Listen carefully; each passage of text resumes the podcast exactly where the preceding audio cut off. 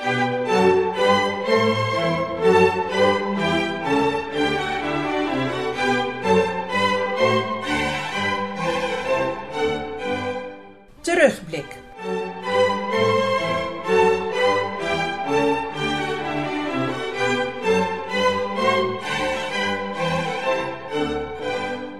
Een terugblik van herinneringen, anekdotes, weetjes en audiofragmenten van ruim 100 jaar Het Schild.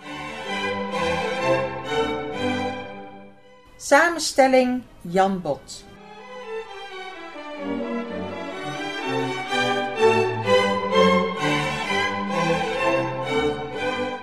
Welkom luisteraars bij deel 39 van de Terugblik.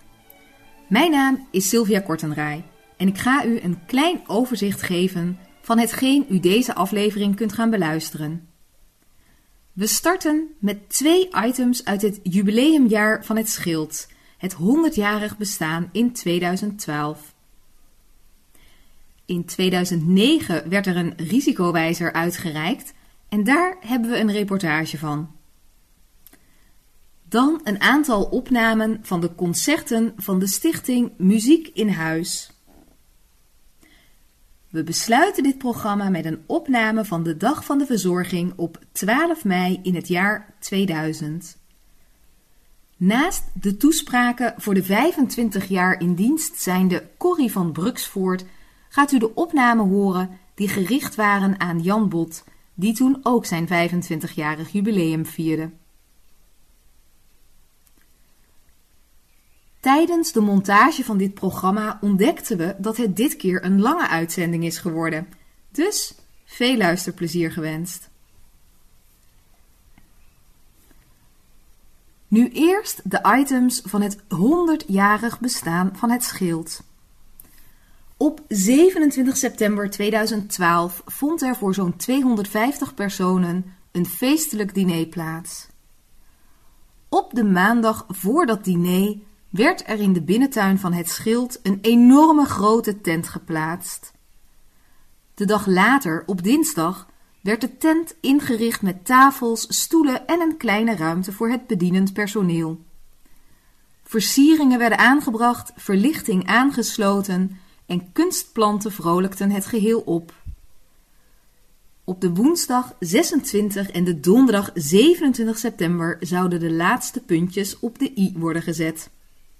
Maar wat er toen gebeurde, stond niet in de planning. Op de dinsdag, dus 25 september, twee dagen voor het diner, was er aan het einde van de middag een forse onweersbui met ontzettend veel regen en windstoten. Tegen dat natuurgeweld kon de grote tent met inhoud niet op. Binnen een paar seconden lag de tent helemaal ingestort en was het in de tent een grote chaos.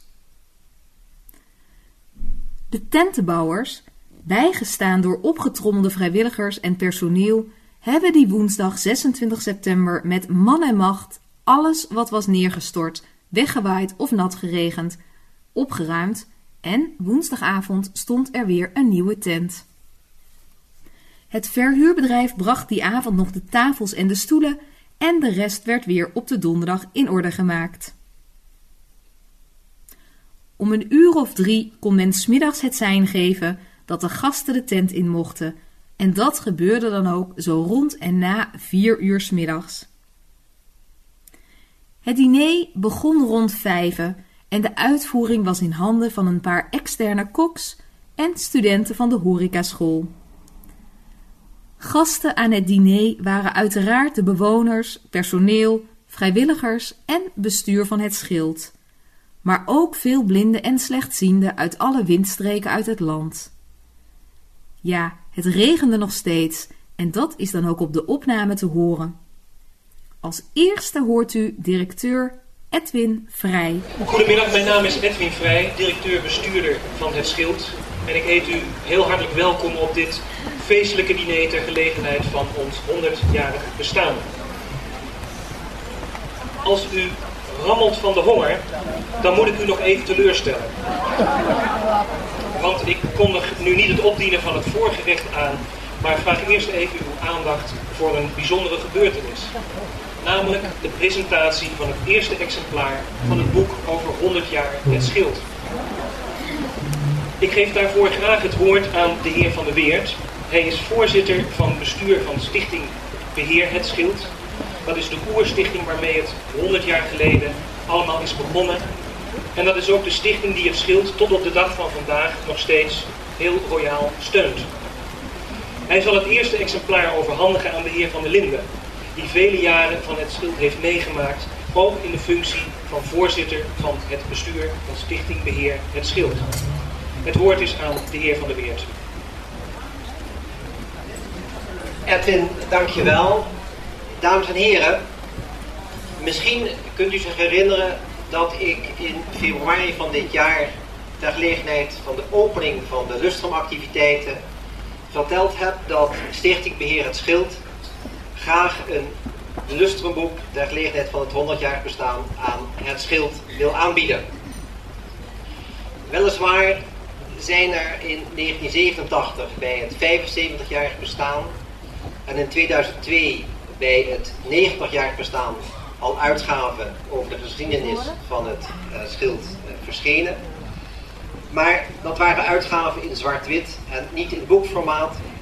En wij vonden dat bij het bereiken van de 100-jarige leeftijd het schild een boek verdient dat zijn bijzondere geschiedenis in kleuren en geuren vertelt. En uh, het boek is nu klaar.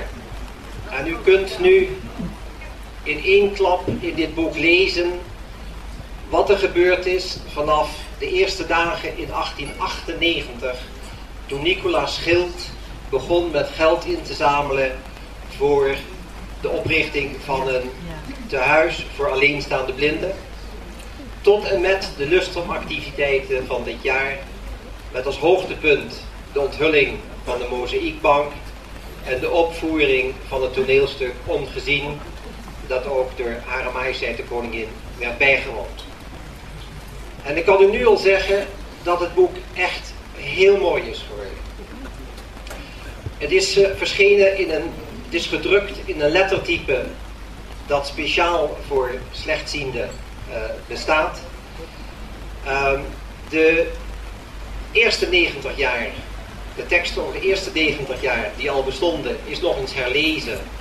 De tekst is gemoderniseerd en aangevuld alle foto's die in zwart-wit zijn en niet zo heel goed vaak te zien waren, zijn opnieuw gescand met de modernste apparatuur. En ze zijn prachtig geworden. En nieuwe kleuren, foto's zijn toegevoegd. En de geschiedenis over de laatste tien jaar is ook toegevoegd. En als u het met mij eens bent dat het een mooi boek is geworden, dan danken wij dat aan drie mensen die ik hier bij name zou willen noemen. En danken voor het vele werk dat ze hebben verricht. En als eerste noem ik Ulbe Anema. En misschien Ulbe, Ulbe zit in de hoek rechts, dat hij even opstaat. Ulbe Anema.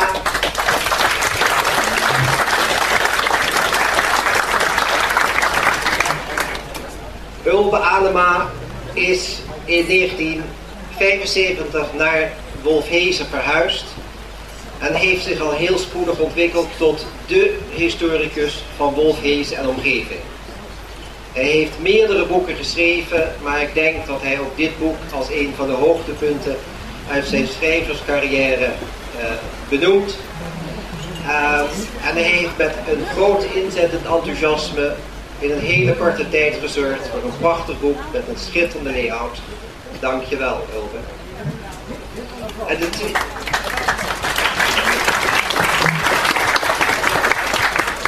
En de tweede persoon die ik zou willen noemen staat links van mij.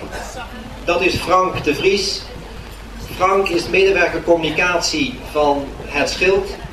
En hij is de man die met straffe hand het proces geleid heeft vanaf het idee om het boek uit te laten komen tot vandaag. En hij heeft er ook voor gezorgd dat dit boek verschijnt in een stijl die aansluit bij de huisstijl van het schild. Bravo, Frank.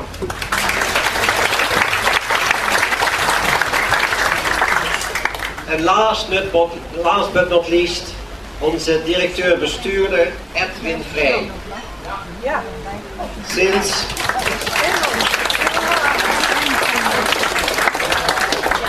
En dat is hij sinds 1 juli 1994.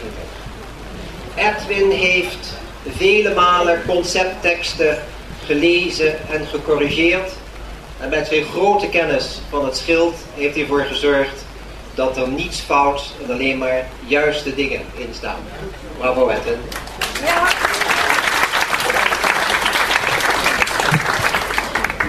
Ik zou dit boek nu graag willen uitreiken aan één persoon in ons midden. En voordat ik dat doe, wil ik u zeggen dat er vanavond na afloop van dit diner bij de uitgang voor u allemaal een boek uh, klaar ligt, wat u kunt meenemen. Er zijn ook braille en uh, audioversies van het boek. En als u dat wilt hebben, kunt u dat ook meenemen.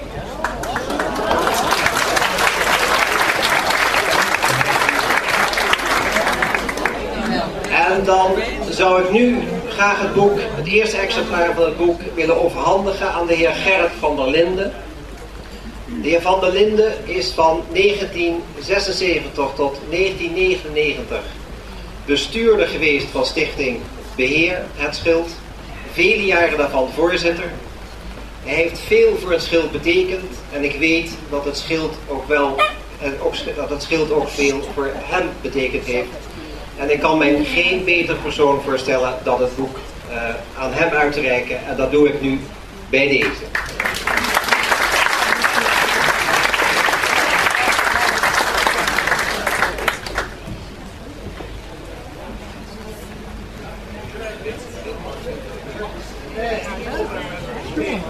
Deze, maar dat kan natuurlijk niet, want jullie zijn hier ook uitgenodigd voor het eten. Dus zal moeten wachten tot ik thuis ben. Ik zeg dat nu al zie dat het een prachtig boek geworden is. En ik moet de voorzitter zeer danken dat hij mij dit boek heeft aangeboden. Ik moet erbij zeggen dat ik dit aanvaard in de gedachte uh, dat wat er gebeurd is, wat hier beschreven is over die honderd jaar, uh, zeker niet mijn werk is, maar dat er vele mensen zijn geweest die in allerlei functies van het bestuur, en verschillende van hen zijn hier nog aanwezig, maar die in allerlei functies van het bestuur veel dingen gedaan hebben. En de uitreiking aan mij, dat is denk ik ook een eerbewijs aan al deze mensen die even goed het schild hebben gebouwd tot wat het nu is. Meneer, meneer, ik dank u en ik wens u een hele prettige middag. En ik wens de dames en heren ook een heel gezellig samen zijn.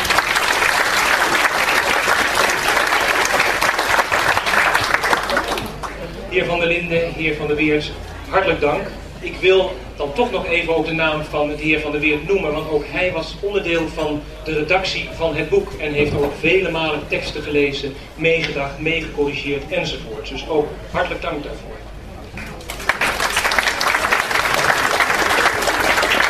Dames en heren, we hebben het kort gehouden, hoop ik. Ik zie nog niemand flauwgevallen zijn van de honger, dus het is denk ik allemaal goed uh, op schema gelopen. Um, ik ga nu het, uh, het, diner openen. We hebben een menu uh, zodanig vormgegeven dat het voor u makkelijk te eten is. Um, en dat is natuurlijk ook de kracht van het schild. Zorgen dat uw slechtziendheid, uw blindheid voor u zo min mogelijk een beperking is. Um, ik wens u, dames en heren, een hele aangename, een hele gezellige en vooral ook een hele smakelijke middag toe. En ik geef graag het woord aan Lambrecht de Jonge, onze topkok van vanmiddag. En hij zal u wat meer over het menu vertellen.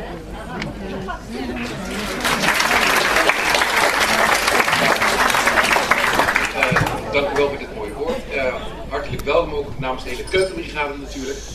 Ik mag u ook uh, mede namens alle mensen van Vakschool Wageningen heel hartelijk welkom heten die u vandaag uh, met veel zorg en liefde gaan bedienen. En mij ondersteunen in de keuken natuurlijk.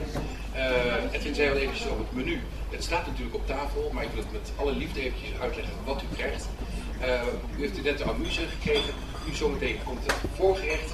Dat is een terrine van gerookte zalm, paling en forel. En die wordt geserveerd op vier kleine crostini. En het leuke daarvan is dat hij dat gewoon met zijn handen mag eten. Dus uh, dat smaak eten, dan. En daarna wordt een kleine consommé uh, van bossterkbouillon wordt geserveerd. Die wordt geserveerd in een uh, cappuccino kop die je zo kunt drinken. Daarna een, zal ik het nog klap? Nee, ik klap niet alles. De rest wordt hier aan tafel verteld.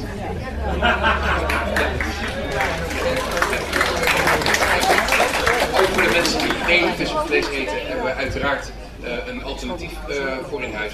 En als u dat van tevoren heeft aangegeven, dan vanaf een dik En zo, alle diëten wordt er mee. Ik wens u, ik hou het ook kort, ik wens u een hele smakelijke maaltijd. En ik hoop vanavond bij de koffie weer te spreken. Dank u.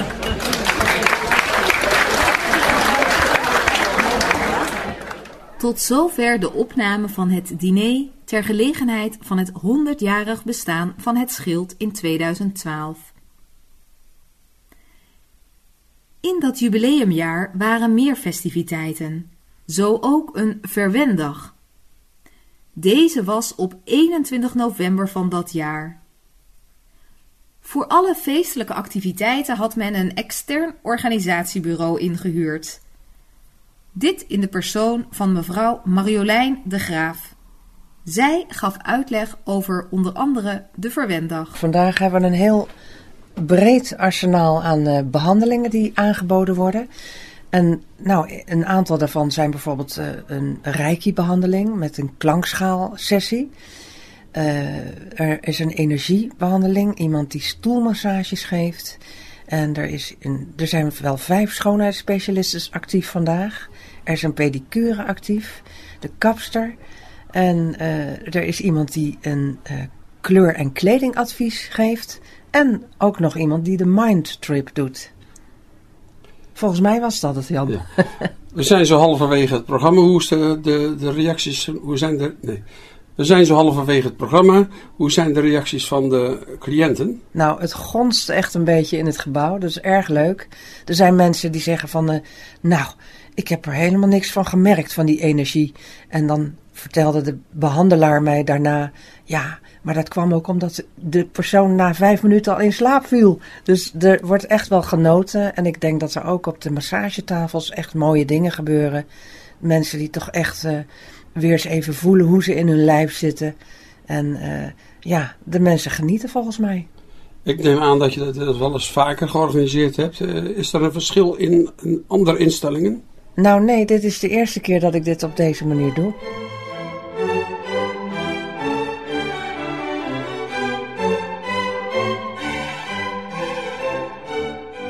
Wij zijn 15 jaar geleden begonnen, de gebroeders Van Olst, met het idee uh, ja, om, om voor iedereen een, een mooie maatstoel te kunnen leveren.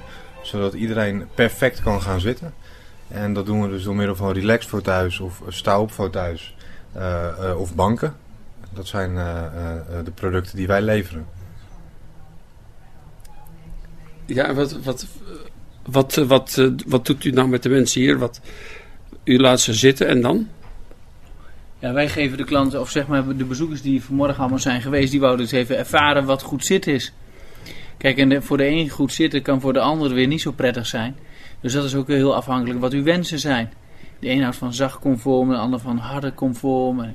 Helaas heeft de ander wat last van de nek en de ander wat last van de rug. En dat kunnen wij de bezoekers hier en de, of zeker de bewoners allemaal laten voelen en ervaren.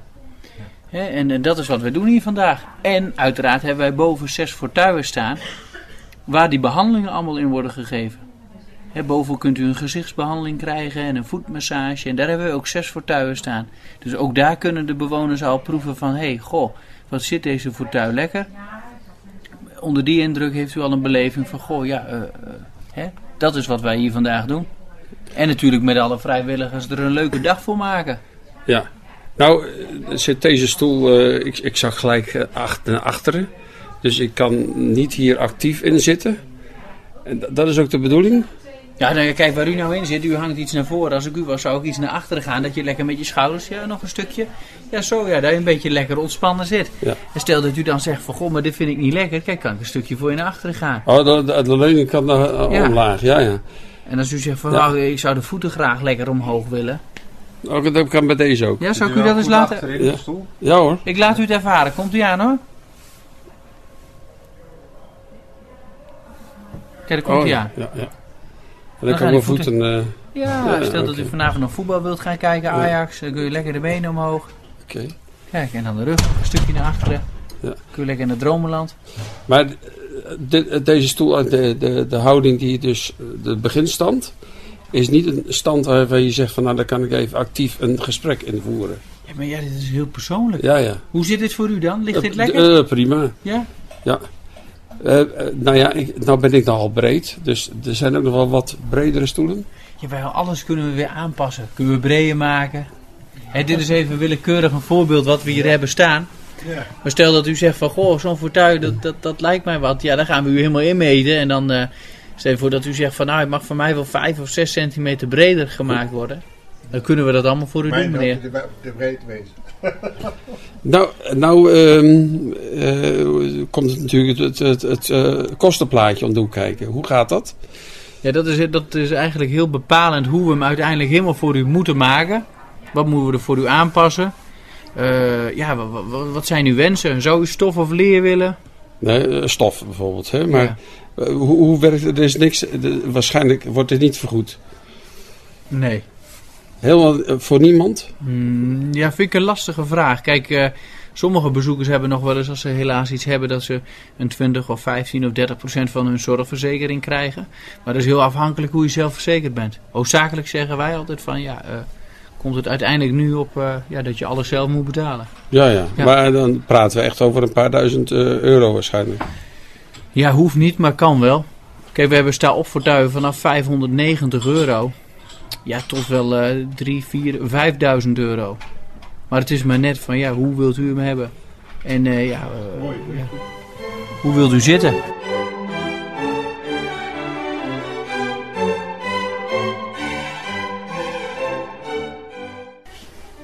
Kijk ik natuurlijk eerst eventjes. Goed de voeten. Ik beweeg het een heel klein beetje.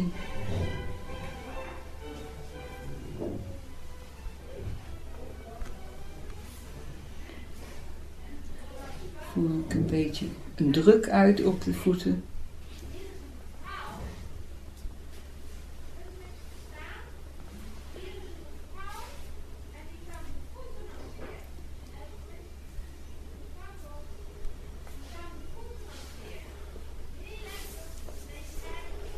Zijn ook eh hamertenen, hè? Ja, Noemen ze dat? uw voorvoet is een beetje doorgezakt hier. Ja. Vandaar dat ik nou de steunzolen iets, een, iets een hoge verhoging gehad heb. Bij Ja. de nieuwe. Maar het is niet echt rampzalig hoor.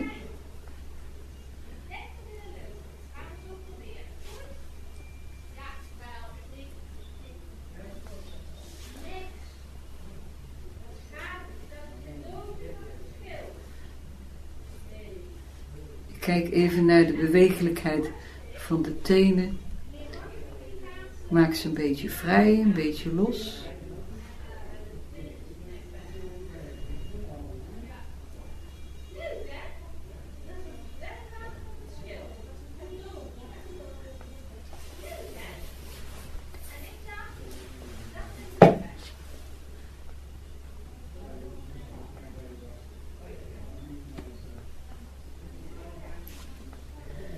Voelt wel dat ik aan de zijkant van de voet even die spier vastpak.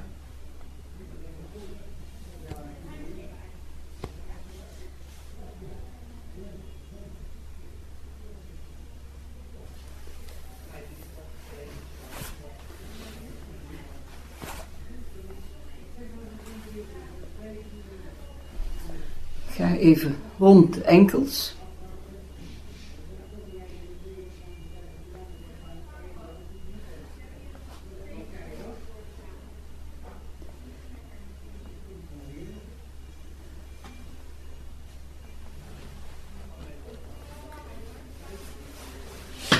Je doet er een beetje massageolie op. Dan glijdt het beter, hè?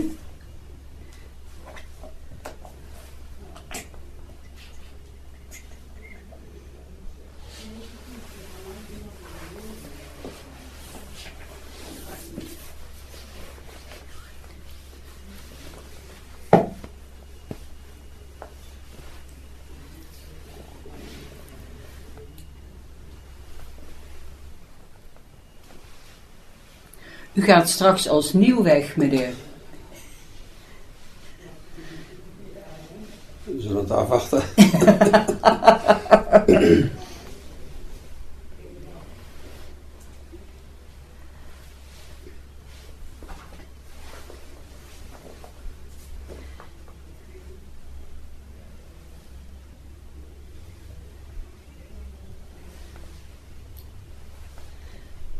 Zijn er ook mensen die dat regelmatig gewoon laten doen? Of? Ja, nou ja, ik ben pedicure en als laatste doe ik altijd een kleine voetmassage. Oh, ja. En dat vinden de mensen heerlijk.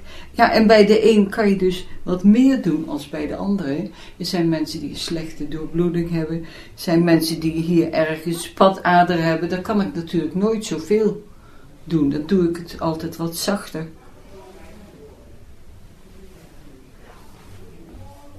En de eeltvorming, is dat ook een probleem? Hier is een beetje eeltvorming. Maar voor de rest niet.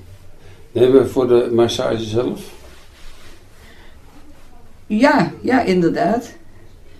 Als er erg veel hier onder de voet zit, dan is het een probleem.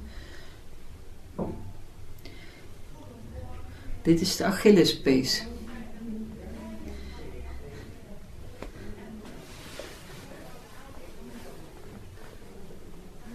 Hebben mensen ook vrij veel last van wel.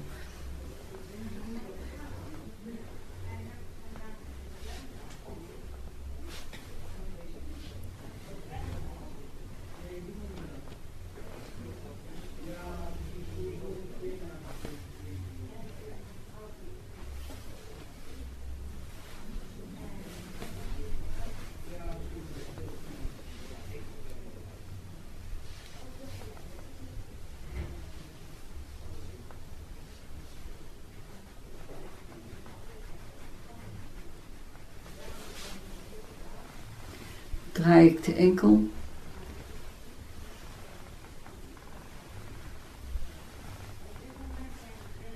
Heen en weer. Kijk, als je de voet zo doet, wordt de Achillespees korter. Als je de voet zo doet, langer. dan rekt hij. Hij zit hier vast. En die zorgt ook dat de voet heen en weer kan.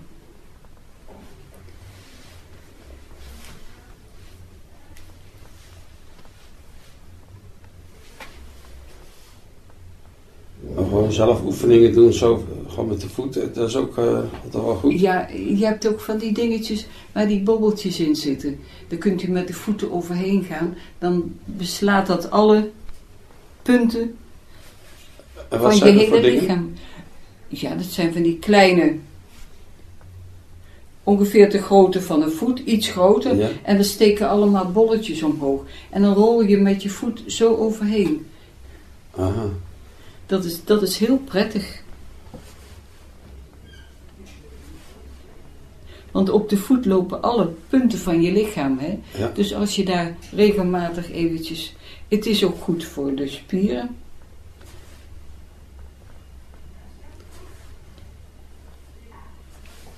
En dat doen mensen dan met, eh, zeg maar, zittend gewoon op Ja, zittend. ding? Je kunt het zittend op Ja, de stoel. ja. En bijvoorbeeld, je kan dat zo ergens onder je bank of onder je stoel wegschuiven. Ja, ja. En dan haal je dat even tevoorschijn als je naar de tv kijkt. Ja. En het is een heel prettig gevoel eigenlijk. En waar verkopen ze die dan? In een eh, reformzaak of een Oh. drogist of zo. Oh. En hoe heet dat? Ja.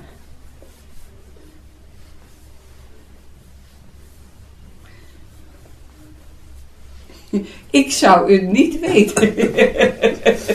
het heeft niet een bepaalde naam. nee, nee. U kunt het eh, gewoon zeggen dat het een soort... Ja, het is een, een plankje. Of het- tegenwoordig is het ook eh, van plastic. Ja, en dan zitten er vaak rolletjes in. Oh, ja. Als je dan de voeten eroverheen, dan steken er kleine bobbeltjes omhoog en die rollen dan mee met de voet. Maar die behandelen dus al die punten. Kijk, nu druk ik die boog iets terug. Omdat je de hele dag daarop steunt. Hè? Dan druk ik hem even terug, dan is een ontspanning.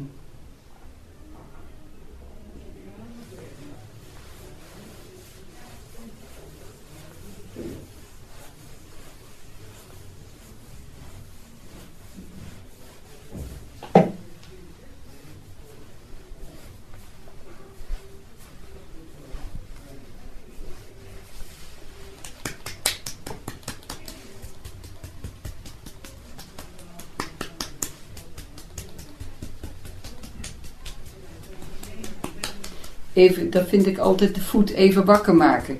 Want die is in slaap gesust, hè, door al dat masseren. Dan maak ik hem gewoon even wakker.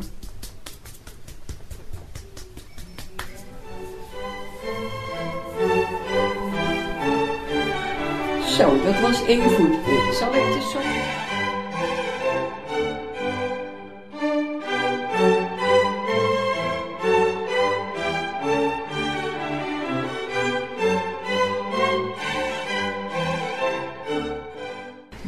Eh, laat ik hier eh, ervaren wat eh, kleur voor ze kan doen.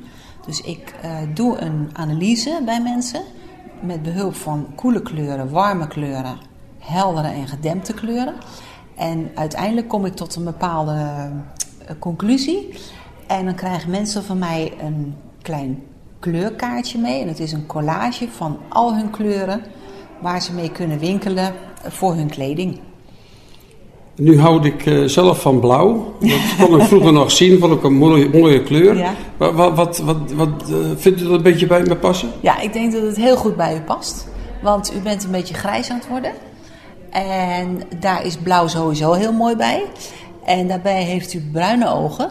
En de, kleur, de versterkende kleur van bruin is helder blauw.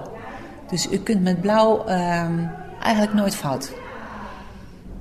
En ja, vertel nog verder iets van. Ehm, over blauw? Nee, ja, bijvoorbeeld, of over de kleding. Of over de kleding. Ehm, nou, op zich is, eh, zijn grijstinten ook heel mooi, omdat het weer terugkomt in uw haarkleur. Maar dan zou er wel een ander kleurtje eh, bij gevoegd moeten worden. Bijvoorbeeld lichtblauw of helder blauw of misschien een paarstint of rood, om het wat kleuriger te maken. Omdat een haarkleur is altijd eh, voor iemand een hele mooie kleur om te dragen, omdat het een heel rustig beeld geeft. Dus een haarkleur in de kleding.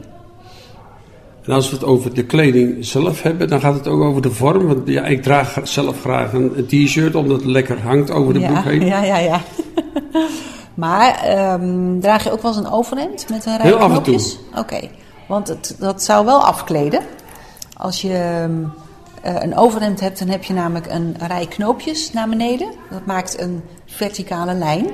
En die lijn die maakt dat je wat langer en slanker lijkt. Dus op zich is dat wel een mooi alternatief voor een t-shirt. En het staat ook net iets gekleder dan een t-shirt. Een t-shirt is echt heel erg vrije tijd. En als we daar een, een, een, een, jasje over doen, een colbert Ja, of dan ben je eh, natuurlijk helemaal netjes. Dan ben je helemaal netjes. Maar wat vindt u nou bijvoorbeeld bij mij passen qua kledingkleur verder? Ja, dat is, ehm, dat is heel moeilijk om dat zo, eh, zo te zeggen. Ik heb al gezegd, blauw is goed, eh, grijs is goed. Ehm, ik zou, eh, net als bijvoorbeeld oranje en bruin, zou ik een beetje vermijden. Dat lijkt me minder mooi. Maar ehm, wat kleuren met een wat blauwige ondertoon, daar zit je altijd goed mee. Dus een beetje eh, blauw-groen of misschien wat paarstinten. Maar ik weet niet of je daarvan houdt.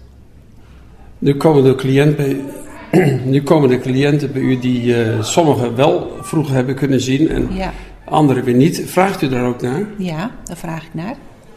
En eh, hoe kunt u bij mensen die nooit kleuren gezien hebben een, een bepaalde beeldvorming maken? Eh, tot nu toe heb ik hier cliënten gehad die wel eh, iets eh, qua kleur hebben kunnen onderscheiden of nog kunnen onderscheiden. Ehm, welke cliënt ik vanmiddag krijg, dat weet ik niet, maar ik ga er weer naar vragen en dan ga ik het zo goed mogelijk proberen, proberen uit te leggen. Dat er verschil is in ondertonen van kleur en ja, welke zij het beste kunnen, kunnen dragen. Is het de eerste keer dat u met blind en slechtzienden te maken hebt die dus eigenlijk waarschijnlijk geen goede voorstelling van kleuren hebben? Ja, dit is voor mij de eerste keer. En Ja. hoe vindt u dat? Ik vind het geweldig om te doen. En ik vind de mensen ook zijn heel erg geïnteresseerd. Vinden het heel leuk om, eh, om van alles te weten.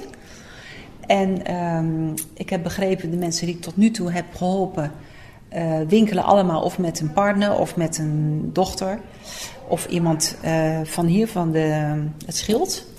En ehm, omdat ze dus een, kleurpasje meekrijgen, hebben die mensen daar ook heel veel profijt bij. Dus ik denk dat dat helemaal goed gaat komen.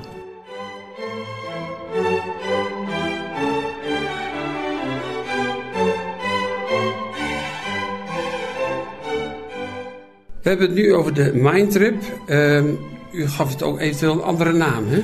Ja, ik zei ook een, een geleide fantasie. En wij hebben een fantasiereisje gemaakt vandaag. En ja, het zegt natuurlijk al, u gaat met de mensen op, op reis. Ja, ik heb ze eerst geleerd om zich goed te ontspannen. En toen hebben we, ik heb besproken dat ik zelf hiertoe gekomen ben omdat mijn kind in Nieuw-Zeeland woont. En ik vaak in gedachten dan bij haar ben. En dan maak ik ook echt het reisje zoals het werkelijk gaat om daar naartoe te gaan. Waar ik overstap. En, uh, en vooral ook uh, wat aandacht besteed aan de dingen die voor blinde mensen waarschijnlijk belangrijk zijn. Zoals de geur, de, de, de, voelen van de wind. Uh, allerlei geluiden van onderweg en wat je ruikt en zo. Want het is natuurlijk ook heel belangrijk dat je dat ook een beetje meekrijgt. Maar de mensen die ik vandaag hier had gehad, hebben allemaal en een gewoon zeer een leven met zien, hè, die hebben kunnen zien. Als, als kind kunnen ze zich die voorstelling ook maken die ze hadden. Dus voor hen was het makkelijker om op reis te gaan dan dat je niet precies weet hoe je het je voor moet stellen.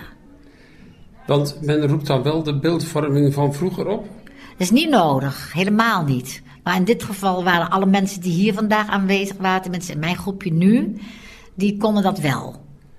Maar kunt u dan ook merken dat die, die beeldvorming van uh, wat ze nu oproepen echt een beeldvorming is van vroeger? Van, bijvoorbeeld ja, van de vorm ik, van auto's enzovoort van vroeger?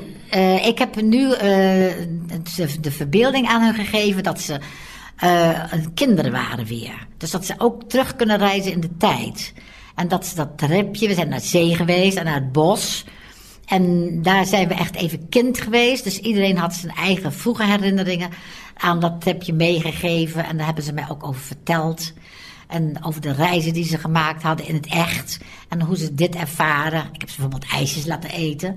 En dan gevraagd, wat proef je? Welk soort ijsje heb je? Chocoladeijs, roomijs, van boze, noem maar op. Sommige mensen hadden een kuipje en anderen hadden een horentje. En die gingen daar uitgebreid over vertellen. En andere mensen die, die vertelden over dat ze bijvoorbeeld een vertegenwoordiger waren, waren die de hele wereld door had gereisd. En een ander was heel, heel dicht in de buurt gebleven. Maar, maar die herinneringen die kwamen toch allemaal in dit verhaaltje uh, voor hun uh, geestesoog. Nou heeft u verschillende mensen tegelijk gehad. Uh, kunt u dan, ja, want het zijn natuurlijk al verschillende manieren van beleving en misschien ook be verschillende manieren van verhaal en van herinnering. Ja, ik heb het, het verhaal heb ik gewoon voor iedereen tegelijk gedaan. En daarna zijn we weer, heb ik ze weer gewoon teruggebracht in de, de realiteit en gezegd: U bent nu ontspannen en u bent nu gewoon weer volwassen. Toen heb ik het afgesloten en daarna zijn we, ben ik stuk voor stuk met de mensen even gaan praten. Hoe heb je het ervaren? Waar ben je terechtgekomen? Wat heb je beleefd? En wat is nou het voordeel van zoiets?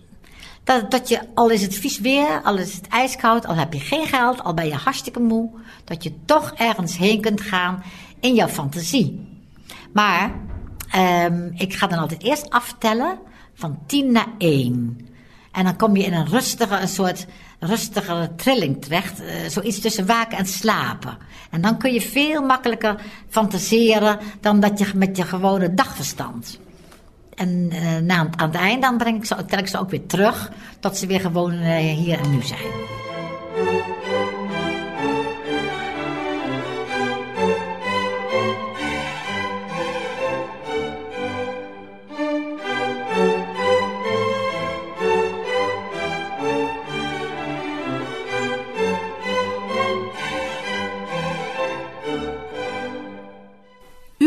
Een aantal fragmenten over en tijdens de Verwendag op 21 november 2012, ter gelegenheid van het 100-jarig bestaan van het schild.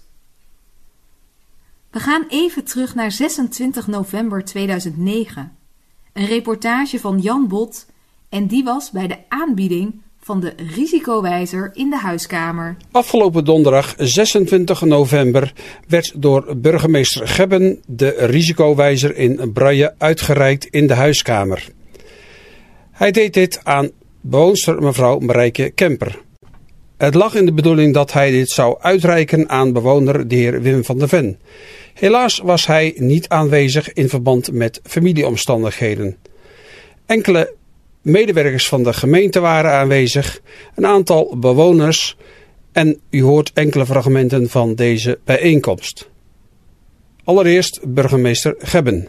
Dames en heren, tot u spreekt de burgemeester, zegt hij met enige trots. Ik, eh, toen ik vanmorgen vanuit huis ging, moest ik naar Harderwijk om daar ook een conferentie toe te spreken. En toen was ik mijn Amsketen vergeten. En mijn e- eerste gedachte was, ja, die heb ik ook niet nodig in Harderwijk, want daar ben ik geen burgemeester, daar spreek ik gewoon uh, op persoonlijke titel. Dus heb ik mijn Amsketen niet nodig. Toen dacht ik, ja, maar ik moet nog wel naar het schild. En uh, ja, dan zou je natuurlijk kunnen zeggen, ja, ze zien hem toch niet, dus ik hoef hem ook niet om te doen. Maar, maar, maar, maar, maar, maar. Maar, dacht ik toen, uh, dat zou nogal respectloos zijn. Dus ik ben teruggereden om mijn Amsketen op te halen, zodat ik hem vandaag wel om heb. En, nou, u ziet hem misschien niet, maar u, hoort hem wel rinkelen. Hij is er, hij is er. Um, nou, uw directeur zei zo uh, net al eventjes tegen mij toen ik binnenkwam. Ja, je bent bijna kind aan huis hier, want uh, ik weet de weg nou blindelings bijna te vinden naar, uh, naar het schild. um, en vandaag ben ik hier met toch wel een bijzondere reden. Um, want wij hebben als gemeente, niet zo lang geleden, ergens in, ik moet even spieken hoor, ergens in maart geloof ik of mei, de, een, een, een campagne gestart om burgers voor te bereiden op rampen in onze gemeente. Daar hopen we natuurlijk, geven nou dat het ooit gebeurt, maar, maar toch, het kan maar zo een keer gebeuren dat er iets gebeurt, of op de snelwegen, of op het spoor, of op de Rijn. Dus, hè, we laten het alsjeblieft niet hopen, maar stel dat er een chloortrein voorbij komt die om, omver, dan is er toch wel een ramp. Het gebeurt in Nederland, gelukkig nog niet hier, maar het kan altijd gebeuren. En dus moeten we daarop voorbereid zijn. Niet alleen als gemeente, maar ook als burgers en bedrijven die in onze gemeente wonen en werken. Nou, nu wil het geval dat wij um, ja, in een gelukkige omstandigheid zijn dat wij in onze gemeente het schild hebben als, um, ja, hoe zeg ik dat, huis voor blinden en slechtzienden. Zeg ik dat goed? Ja, hè? Ja. Um, en toen was daar een meneer, moet ik even spieken, Van der Ven. En die ons erop wees dat wij wel een hele mooie campagne hadden gestart. Met een hele mooie brochure voor alle inwoners van de gemeente Renken. Waarin stond wat te doen bij een ramp. Maar dat hij er niet was voor de blinden en slechtzienden. Nou, nu hebben wij, en ze is vandaag ook weer in ons midden, wij hebben een groot pleitbezorger van de blinden en slechtzienden en gehandicapten in onze gemeente. Marleen Meertens, die kent u allemaal uit en treuren zou ik bijna willen zeggen. Ik dacht ook al vandaag, ik zei net al even tegen haar met een grote glimlach op mijn gezicht. Ik wist niet wie er vandaag zou komen. Dat er eentje zou zijn, dat was zeker, dat was Marleen. En het is ook niet voor niks dat ze anderhalf jaar geleden ongeveer de fakkelprijs uh, van de vrijwilligersorganisatie heeft gekregen. Omdat zij, zeker binnen onze raad, er doen alle 23 raadsleden hoor, maar zij in het bijzonder zich ontzettend inzet voor um, uh, nou, onze medeburgers die het niet zo makkelijk hebben als uh, degene die goed ter been zijn en wel goed kunnen zien. Laat ik maar even zo zeggen. Dus fijn dat je er weer bent, Marleen. Uh, en Hans Hageman, voor de goede orde, is er ook bij. Um, goed, die risicowijzer, waarin staat wat te doen bij een ramp. Die hebben we dus keurig netjes met, op, op, een, op een papiertje gezet, op een foldertje gedrukt, met allerlei tekentjes erbij en die is huis aan huis verspreid. Maar hebben toen gezegd, mede ook op initiatief van meneer Van der Ven, dat zouden we ook moeten doen in braille, in grootschrift heet het geloof ik, en um, in, in, in, in, in woord, zeg maar, op, uh, op een gesproken, in gesproken woord. Nou, uh, het grootbeeld en het gesproken woord, daar werken we nog aan, Die, uh, dat komt eraan. Maar wat we wel hebben, en ik weet niet eens of we de primeur in Nederland hebben, maar totdat het tegendeel gebleken is, gaan we daar maar vanuit dat wij de primeur hebben, heb ik vandaag um, de risicowijzer dus zeg maar wat te doen bij alarmen in Nederland heb ik in Braille bij me. Het initiatief is dus uh, van meneer Van der Ven. Helaas kan hij er vandaag niet bij zijn, uh, want hij had uh, familieomstandigheden. Maar ik ben zeer verheugd dat mevrouw Kemper vandaag de honneurs waar wil nemen. het was wel aardig, ik maakte net even een praatje mevrouw Kemper en ik. En dat is toch weer leuk om te zien dat toen ik vertelde dat ik mijn Amsketen uh, om had, zij vertelde dat zij haar ding ook op had. Ze tikte er even op zodat ik precies wist wat ze bedoelde. De koninklijke onderscheiding die ze van haar majesteit heeft gekregen. Maar vervolgens direct uitlegde aan haar tafel. Um, ja, ik, ik wees de burgemeester op mijn uh, koninklijke onderscheiding, zodat de rest van de tafel ook wist waar we het over had. Nou, om het helemaal te complimenteren, zag ik dat ze een juweel om haar nek heeft, wat, uh, waar braille op staat. Dat heeft ze waarschijnlijk ook niet voor niks op. Um, en dat is een onderscheiding die zij weer gekregen heeft voor het goede werk wat ze gedaan heeft. Uh, die heeft ze gekregen van de Nederlandse Vereniging van Blinden en Slechtzienden. Zeg dat goed? Is dat een goede, goede uitleg? Voor al het goede werk wat ze daarvoor gedaan heeft. En daarom is het uh, vandaag voor mij een grote eer, mevrouw Kemper, dat ik uh, aan alle blinden, maar aan u in het bijzonder, En in uw naam ook aan meneer Van der Ven het allereerste exemplaar van de, alarm, of de risicowijzer in braille mag overhandigen.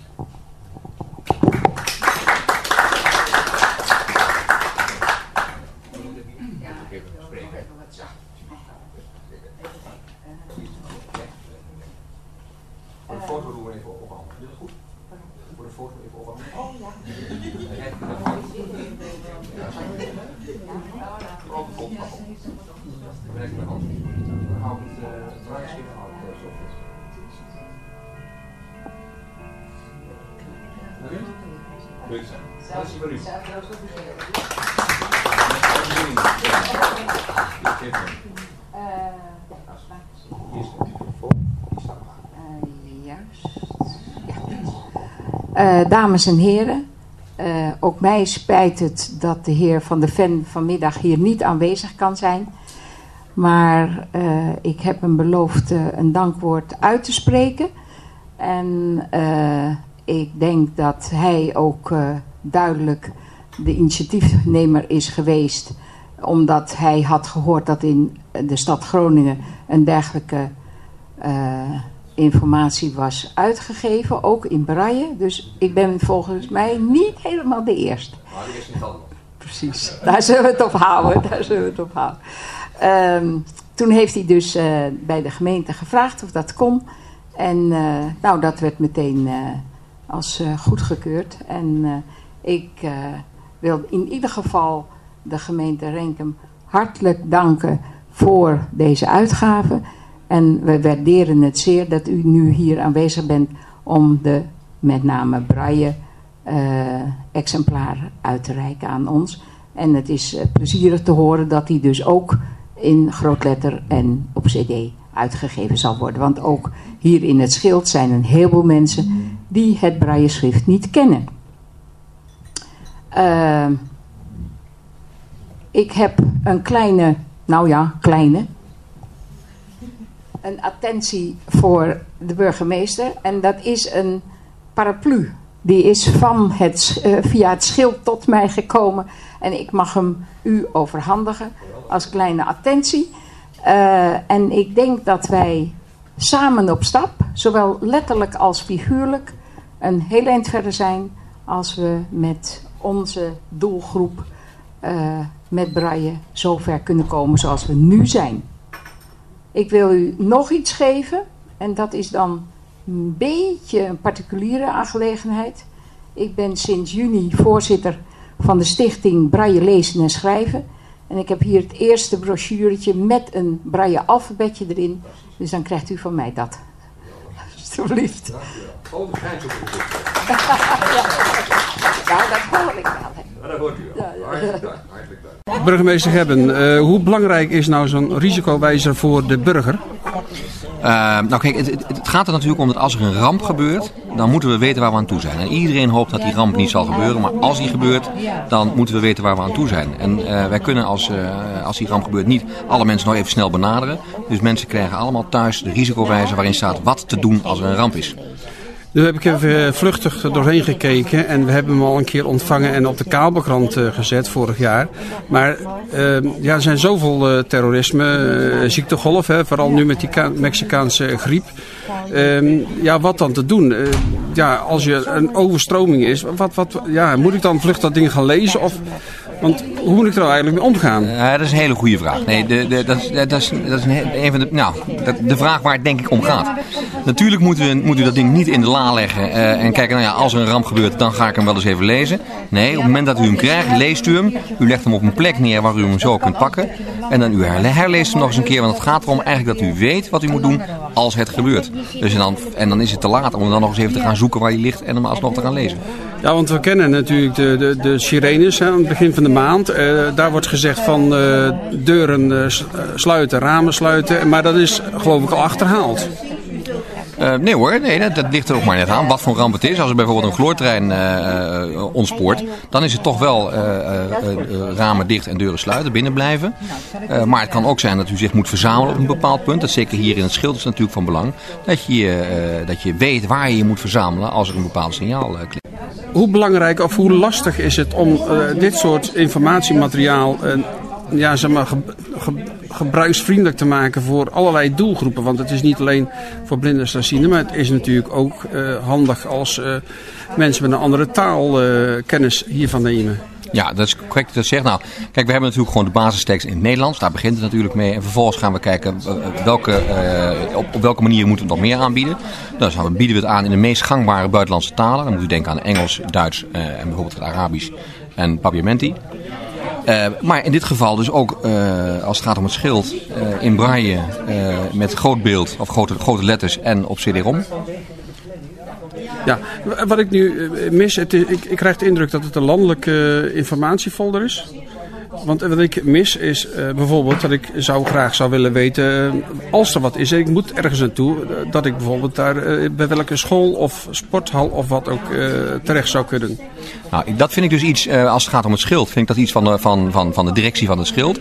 Ik, ik denk dat, ik, nou, ik ben bijna 100% zeker dat ze dat hebben, dat er een ontruimingsplan is voor het schild. Zodat als er hier iets gebeurt wat voor het schild van belang is, dat iedereen hier in het schild weet, niet alleen de bewoners, maar ook de mensen die, die hier werken, dat ze dus weten wat ze moeten doen om mensen zo snel mogelijk naar buiten te krijgen om ze, als het nodig is, te evacueren. Maar de burger in het algemeen weet niet gelijk van ik moet nou uh, zeg maar daar of daar naartoe. Nee, in zijn algemeenheid niet. Dat is ook vaak ook niet nodig, want dan, dan als, uh, je moet zorgen dat er geen paniek ontstaat. Er moet vooral rust uh, zijn. En in die echt geval dat het hoge, hoge, hoge nood is, Um, ja, dan grijpen we als gemeente zo snel mogelijk in. En dan gaan we rondrijden, bijvoorbeeld met, met auto's met, met uh, luidsprekers erop. Om te zeggen, snel zich daar en daar naartoe. Dus dit is eigenlijk dan een, ook een landelijke folder? Het is een folder die een landelijke basis heeft en die toegespitst wordt op uh, in dit geval de gemeente Renkum. Is die dus uh, Renkum anders dan in Ede of Arnhem? Nee, maar er staan Renkums telefoonnummers op bijvoorbeeld. U hoorde een reportage van Jan Bot. Dan nu de activiteiten van de Stichting Muziek in Huis. We gaan de komende minuten terugblikken op de concerten in de huiskamer of in de orangerie. Wat nu de ruimten voor de teams 1 en 2 en voor team 3 zijn, links van de hoofdingang, was tot 2018 één ruimte en was een centrale gezellige grote zaal waar dus ook regelmatig de grote activiteiten en concerten plaatsvonden. Dit werd de huiskamer genoemd. Ongeveer tien jaar geleden kreeg het Schild een aanbod om toen circa zes keer per jaar huiskamerconcerten te laten verzorgen. Dit gebeurde onder auspiciën van Stichting Muziek in Huis een landelijke organisatie die beoogt toegankelijke muziekoptredens te laten verzorgen, vooral binnen instellingen van ouderen en of gehandicapten, waaronder het schild. Uitvoerenden zijn kleine ensembles, bijvoorbeeld van pas afgestudeerde spelers, die zo muzikaal contact houden met concertpubliek dat daar zelf minder toe in staat of genegen is maar zij kunnen tevens presentatie- en podiumervaring opdoen. Het project heeft door de jaren allerhande verschillende programma's gebracht, veelal van klassieke aard, maar ook met jazzmuziek. Het vond bijna altijd plaats onder grote belangstelling en waardering. Deze activiteit werd dan ook muziek in huis genoemd. Van een aantal concerten heeft Joke Paardenkoper, de vriendin van bewoner Wim van der Ven, opnamen gemaakt. Hiervan laten we een aantal horen. De eerste opname is van 22 januari 2017. Het pianoduo Elfie en Xin met Hava Nagila Hava.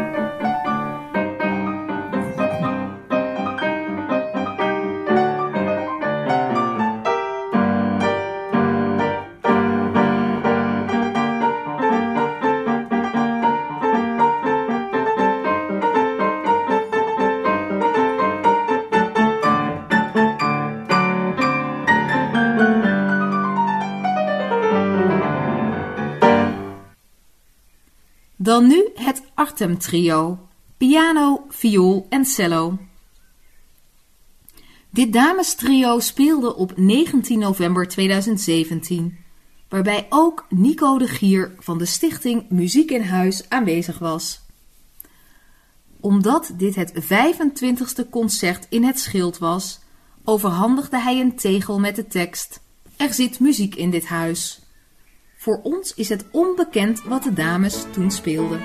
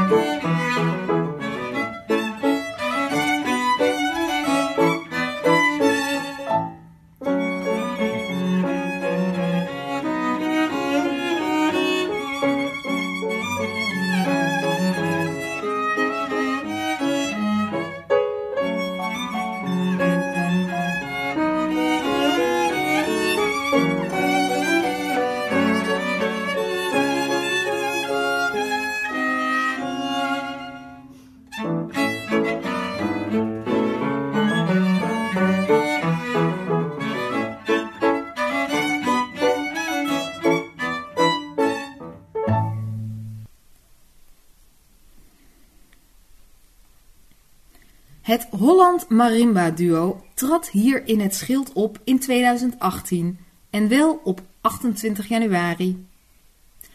U hoort drie kleine stukjes muziek van twee heren die actief zijn op een marimba en een vibrafoon. Naast een virtuoos Bachspel spelen ze ook When I Am 64 van de Beatles.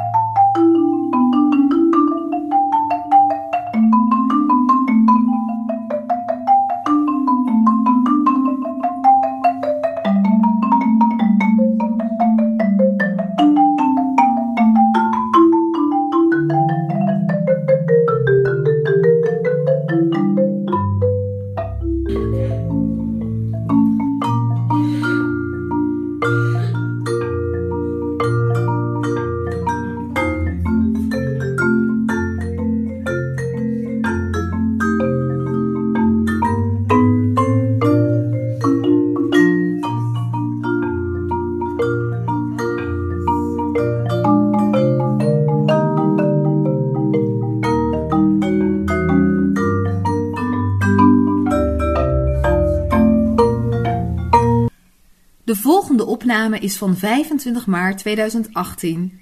Een trio van klarinet, cello en piano.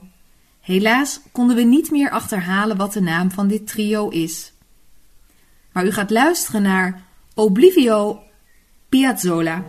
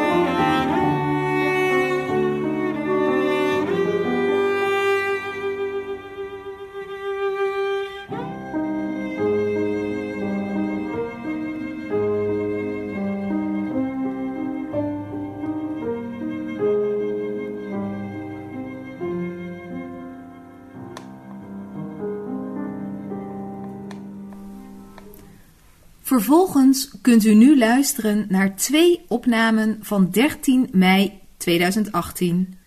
Een cello-duo waarvan we de naam niet weten. Het eerste is een allegro waarvan de componist onbekend is. Het tweede is van de componist Mozart. Der Vogelhändler bin ich, ja.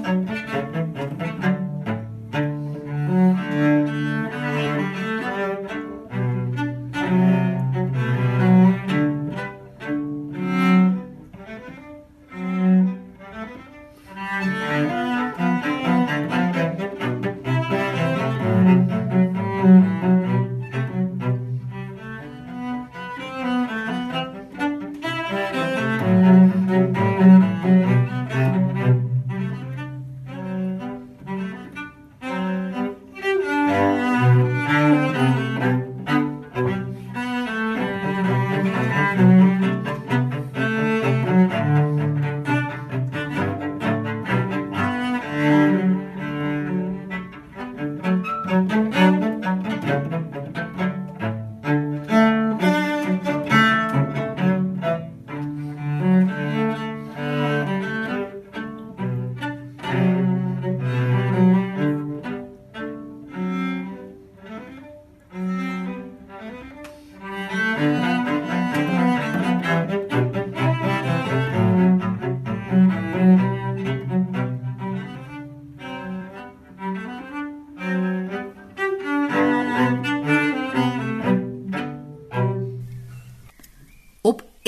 september 2019 werd er weer een optreden verzorgd door de familie Cornelium. Hun moeder, kleinkinderen en aangetrouwden was familie van bewoonster mevrouw Cornelium. U hoort werken van Brahms en Mozart.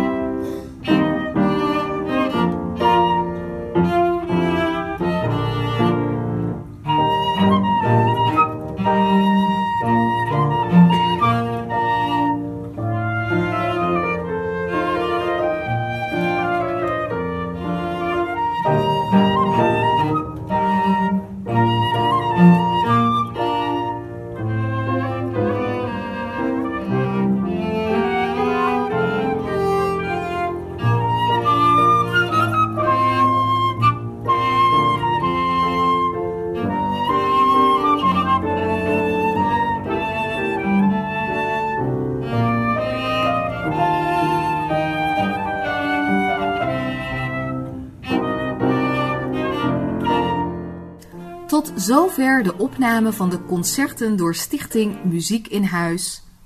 Met dank aan Joke Paardenkoper voor het maken van de opname.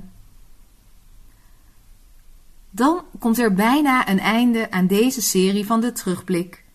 Volgende week de veertigste en laatste terugblik. Het laatste onderwerp van vandaag is een opmaat naar die laatste uitzending. We gaan in herinnering terug naar de dag van de verzorging in het jaar 2000, dus 12 mei. Op die dag waren er twee jubilarissen. Zowel Corrie van Bruksvoort als Jan Bot waren toen 25 jaar in dienst bij het Schild. Van deze bijeenkomst missen we een paar opnamen. De toespraak van en door Piet Davidsen voor de jubilaris Corrie van Bruksvoort, toen hoofd facilitaire dienst, en het aanbieden van de cadeaus aan de jubilarissen. Directeur Edwin Vrij stond wel even stil bij de beide jubilarissen. Na de toespraak door Edwin Vrij hoort u mevrouw Linda Korf de Gids, hoofd zorg en welzijn. Jan Bot heeft die opname nog een keer beluisterd en hij heeft wel zijn twijfels over hetgeen Linda allemaal vertelde over hem. Na Linda hoort u nog de heer Erno Bolt als voorzitter van de cliëntenraad. Beste Corrie, beste Jan en jullie gasten, beste collega's, beste dames en heren, hartelijk welkom dus. Wist u dat er in het schild naast ongeveer 75 vrijwilligers een kleine 115 medewerkers werken? Letterlijk dag en nacht, 24 uur per dag en 7 dagen in de week. Zij willen iets in hun werk iets betekenen voor anderen. Voor uw cliënten, omdat ze eh, willen dat u hier fijn woont. Dat u het naar uw zin hebt. Dat u goed verzorgd wordt. Maar ze willen ook iets voor elkaar betekenen. Want als je klaar staat voor je collega's, ze helpt als ze dat nodig hebben, dan draagt dat bij aan een goede sfeer, sfeer plezier in het werk en dat voelt iedereen. 364 dagen per jaar zijn al deze mensen vanzelfsprekend aan de slag voor onze cliënten. Maar vandaag op 12 mei de geboortedag van Florence Nightingale en de internationale dag van de verzorging, is dat iets minder vanzelfsprekend. Dan is het goed om erbij stil te staan met hoeveel inzet en energie deze 115 medewerkers van het schild elke dag weer aan het werk zijn. En ik zou graag met u allen op deze medewerkers het glas willen heffen. Maar dat gaat wat lastig als je aan de koffie of de thee zit. Dan is het wat lastig het glas heffen. Dus ik zou u willen vragen om deze toast met applaus te ondersteunen. Op de medewerkers van het schild.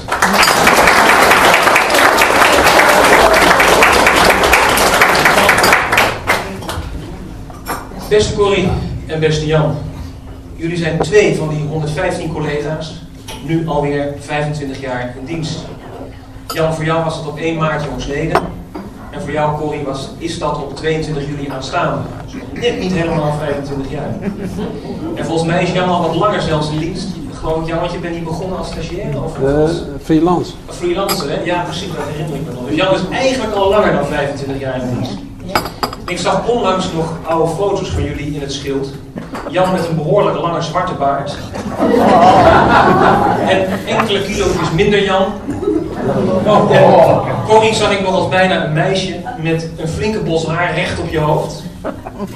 De tijd gaat snel, want de baard is inmiddels grijzend en wat korter. En de haren van Corrie uh, zijn inmiddels wat minder opstandig. Ik, ik ken jullie beiden als erg betrokken betrouwbare collega's. Die nooit de kantjes ervan aflopen. Jullie zijn beide medewerkers zoals ik dat net schetste. Jullie staan niet alleen klaar voor de cliënten, maar jullie staan ook klaar voor je collega's. En er is nog een overeenkomst tussen jullie. Jullie zijn beide zeer nauwkeurig en nauwgezet. Kortom, mensen die je heel graag 25 jaar in dienst hebt. Voor die 25 jaar in dienst van het schild dank ik jullie namens ons allemaal heel hartelijk.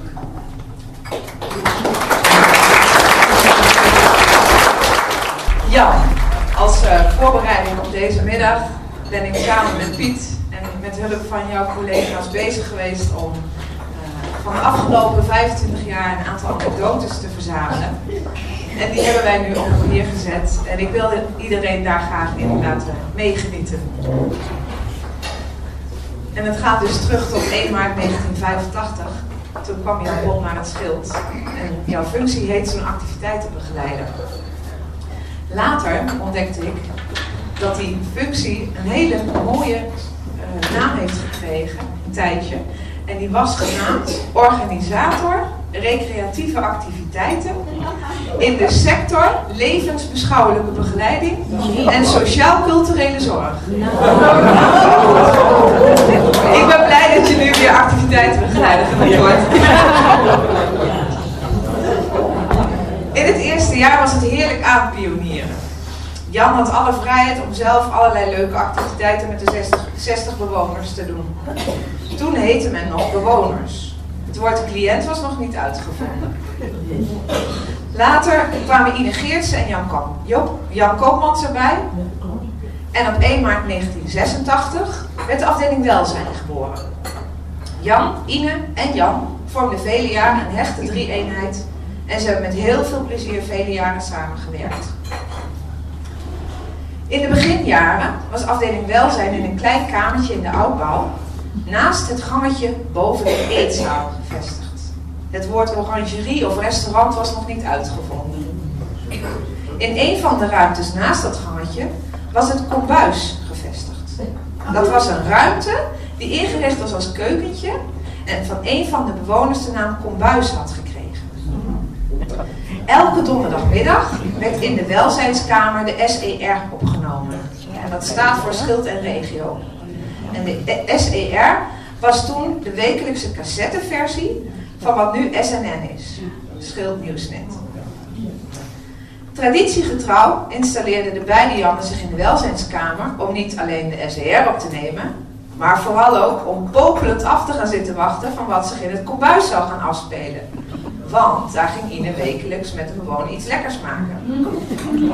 De ene keer appelflappen, de andere keer pannenkoeken of een cake. En altijd weer mochten de beide Jannen de bakresultaten uitproberen. Wat ze me altijd graag deden. Het heet niet voor niets welzijn, hè? welzijn. De planten in de welzijnskamer hadden van Jan allemaal namen van bewoners gekregen. Zo was er een vlijtig liesje. Die was vernoemd naar mevrouw Lies van Deursen. En verder waren er een mevrouw Damme orchidee. En de heer Koenders geranium. En een meneer Buiskactus.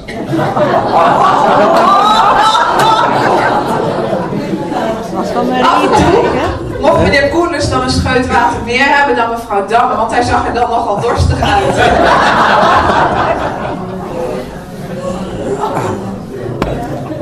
Elk jaar werd er in het schild carnaval gevierd.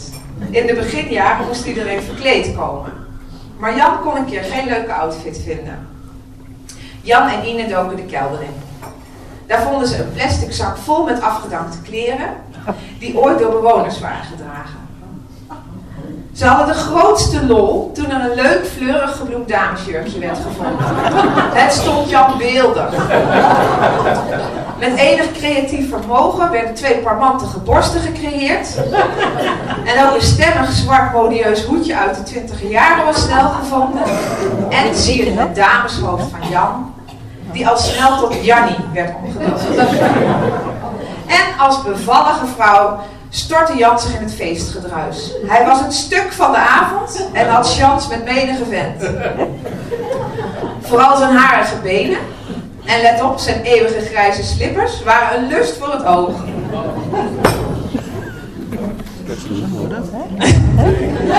Afdeling welzijn begon lekker te draaien. Er waren gezellige puzzelavonden, spannende quizmiddagen en er werd regelmatig fanatiek gebingoed. Langzaam maar zeker werden vrijwilligers bij deze activiteiten betrokken. Daarom werd het tijd dat er een vrijwilligerscoördinator werd aangesteld. Dat leek Jan wel een aantrekkelijke functie. En tot vandaag aan toe is hij dat gebleven. Bij deze functie hoorde natuurlijk een eigen kantoor.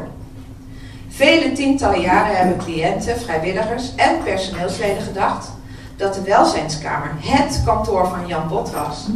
En dat ook zijn collega's, maar dan wel met zijn toestemming, bescheiden gebruik mochten maken van deze ruimte. Maar ja, als je zelfs ook al als hoofd van de afdeling welzijn wordt gezien, dan mag je wel enige eisen stellen, nietwaar? Na een paar jaar werd Jan Bot voorzitter van de ondernemingsraad. Voor een cursus werd de OR een keer in een hotel geplaatst. Voor de ontspanning stond er een sauna voor de gasten ter beschikking. En Ine en Jan besloten daar op een avond naartoe te gaan. Ze reserveerden de sauna voor hun tweeën alleen. Want het was tenslotte voor beide de eerste keer en dan kon je geen potten kijken. Nee, had Jan al bij voorbaat gezegd. Nee, ik ga niet in mijn blootje. Ik hou mijn zwembroek aan. Ach, dacht Ine. Jan ziet toch niet zoveel, ik ga er lekker naken. Zo gezegd, zo gedaan. Beiden betraden de omkleedruimte. Maar Ine schrok zich het apenzuur toen ook twee andere gasten, twee mannen nog wel, de sauna ingingen.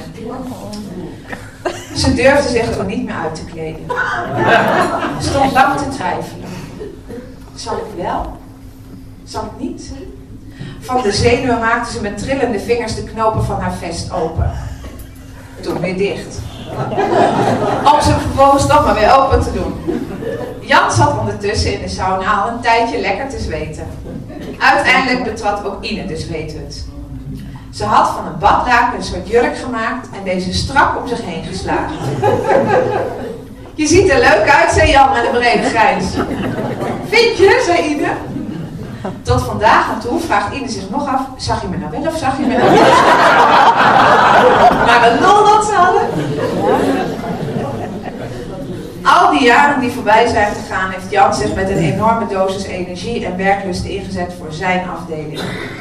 Hij zette zich vol overgave in voor OR, cliënten, vrijwilligers, collega's en voor allerlei leuke en bijzondere activiteiten. Van puzzelen tot jubileavieringen, van sjoelen tot nieuwbouwopeningsfeesten. En als Jan zich inzette, dan deed, en dat doet hij nog, voor altijd, voor de 100, volle 100 procent.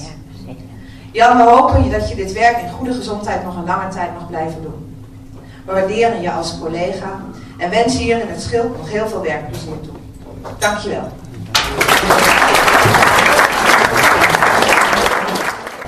Uh, Jan en Corrie, ja, moet ik zeggen Corrie en Jan.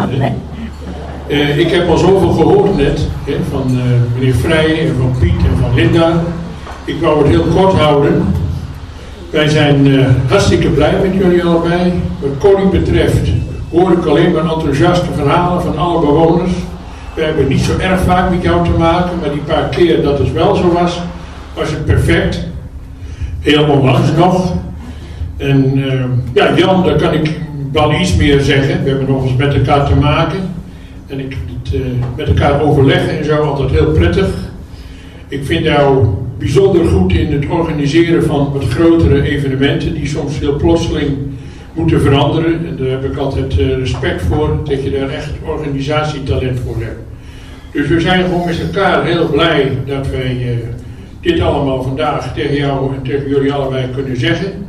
En we willen jullie beiden wat aanbieden namens de cliëntenraad. Daar wil ik eerst mee beginnen. Er komt nog wat hoor.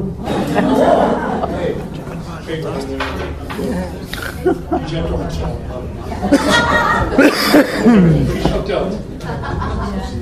En uh, namens alle cliënten willen we jullie toch ook nog een aardigheidje aanbieden. En dat is dan wel uh, persoonlijk, er staat tenminste een naam op. Dus dat wil ik jullie dus bij deze ook aanbieden. Komt het beste uit Jan dat ik hem jou eerst aanreik. Ja, het staat in braille hoor dus. En deze van jou Corrie, alsjeblieft. Ja, nou we mogen nog een keer met elkaar wat applaudisseren voor jullie hè.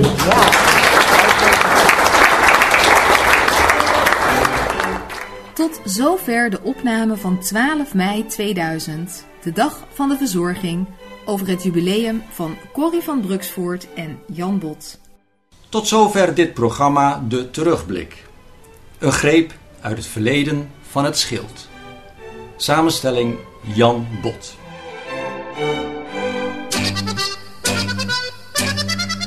SNN, Schild Nieuwsnet.